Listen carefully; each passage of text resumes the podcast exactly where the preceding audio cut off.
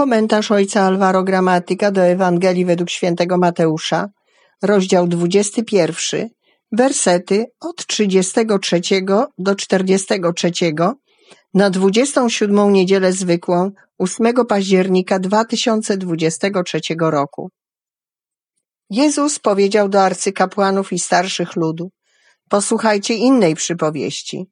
Był pewien gospodarz, który założył winnicę, Otoczył ją murem, wykopał w niej tłocznie, zbudował wieżę, w końcu oddał ją w dzierżawę rolnikom i wyjechał. Gdy nadszedł czas zbiorów, posłał swoje sługi do rolników, by odebrali plon jemu należny. Ale rolnicy chwycili jego sługi, jednego obili, drugiego zabili, trzeciego zaś ukamienowali.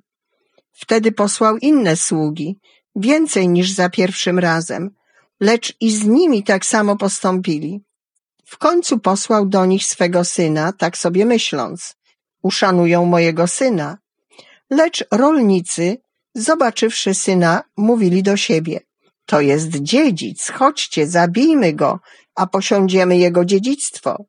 Chwyciwszy go, wyrzucili z winnicy i zabili. Kiedy więc przybędzie właściciel winnicy, co uczyni z owymi rolnikami? Rzekli mu, nędzników marnie wytraci, a winnicę odda w dzierżawę innym rolnikom, takim, którzy mu będą oddawali plon we właściwej porze. Jezus im rzekł, czy nigdy nie czytaliście w piśmie, ten właśnie kamień, który odrzucili budujący, stał się głowicą węgła. Pan to sprawił i jest cudem w naszych oczach. Dlatego powiadam wam, Królestwo Boże będzie wam zabrane, a dane narodowi, który wyda jego owoce. Oto inna przypowieść, która z jednej strony ukazuje dramat Izraela, który nie rozpoznał Mesjasza, ale wręcz go odrzucił, z drugiej strony odsłania oblicze Boga, który nie spocznie, dopóki nie przekona ludzi o miłości, jaką ich darzy to Bóg powierza nam swoje dary, swoją winnicę, abyśmy mogli się nimi cieszyć i zbierać owoce. Przypomina nam to obraz Adama, którego Bóg umieścił w ogrodzie, aby go strzegł, uprawiał i cieszył się jego owocami. W ogrodzie Adam czuje się błogosławiony, czuje się kochany. Istnieje jednak pokusa, by przejąć owoce w posiadanie i odebrać je właścicielowi. Jest to klasyczna pokusa zawłaszczenia źródła życia, jak to miało miejsce w ogrodzie Eden, abyśmy to my sami stali się źródłem błogosławieństw. Rywalizujemy z Bogiem, łudząc się, że możemy żyć sami. W końcu stajemy się zazdrośnikami, złodziejami i ostatecznie mordercami. I to jest dzieło zwodziciela, sprawić, abyśmy stali się jak On, wrogami Boga.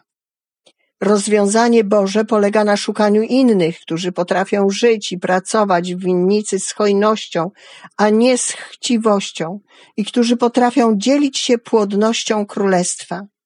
W konsekwencji wyłania się tu postać Boga, który gorąco pragnie znaleźć kogoś, kto umie żyć w harmonii z Nim, ale przede wszystkim potrafi dzielić się radością ze zbiorów. Jest Bogiem, który czyni wszystko, aby człowiek był otwarty na wdzięczność i komunię, by potrafił się cieszyć z otrzymanego daru. I to jest Królestwo Boże, sposób życia nacechowany wdzięcznością, radością i darmowością. Bóg szuka tych, którzy potrafią dzielić się otrzymanym darem, którzy potrafią uznać, że źródło życia nie jest w ich własnych rękach, że nie ma innego zbawienia jak tylko w przyjęciu Jego miłości, która konkretyzuje się w osobie Jezusa, Jego Syna. Jeśli taki jest sposób postępowania Boga, to tak samo powinniśmy postępować my. Nie bądźmy panami naszej radości, ale beneficjentami Bożego daru. Trwanie w relacji z Nim to jedyna możliwość, aby nie utracić Jego darów. Żyjmy wzajemną bezinteresownością, a w ten sposób nauczymy się dzielić naszymi darami, naszym czasem, wiedząc, że to, czym jesteśmy i co mamy, nie należy do nas, ale jest nam dane, abyśmy mogli doświadczyć radości komunii, radości królestwa.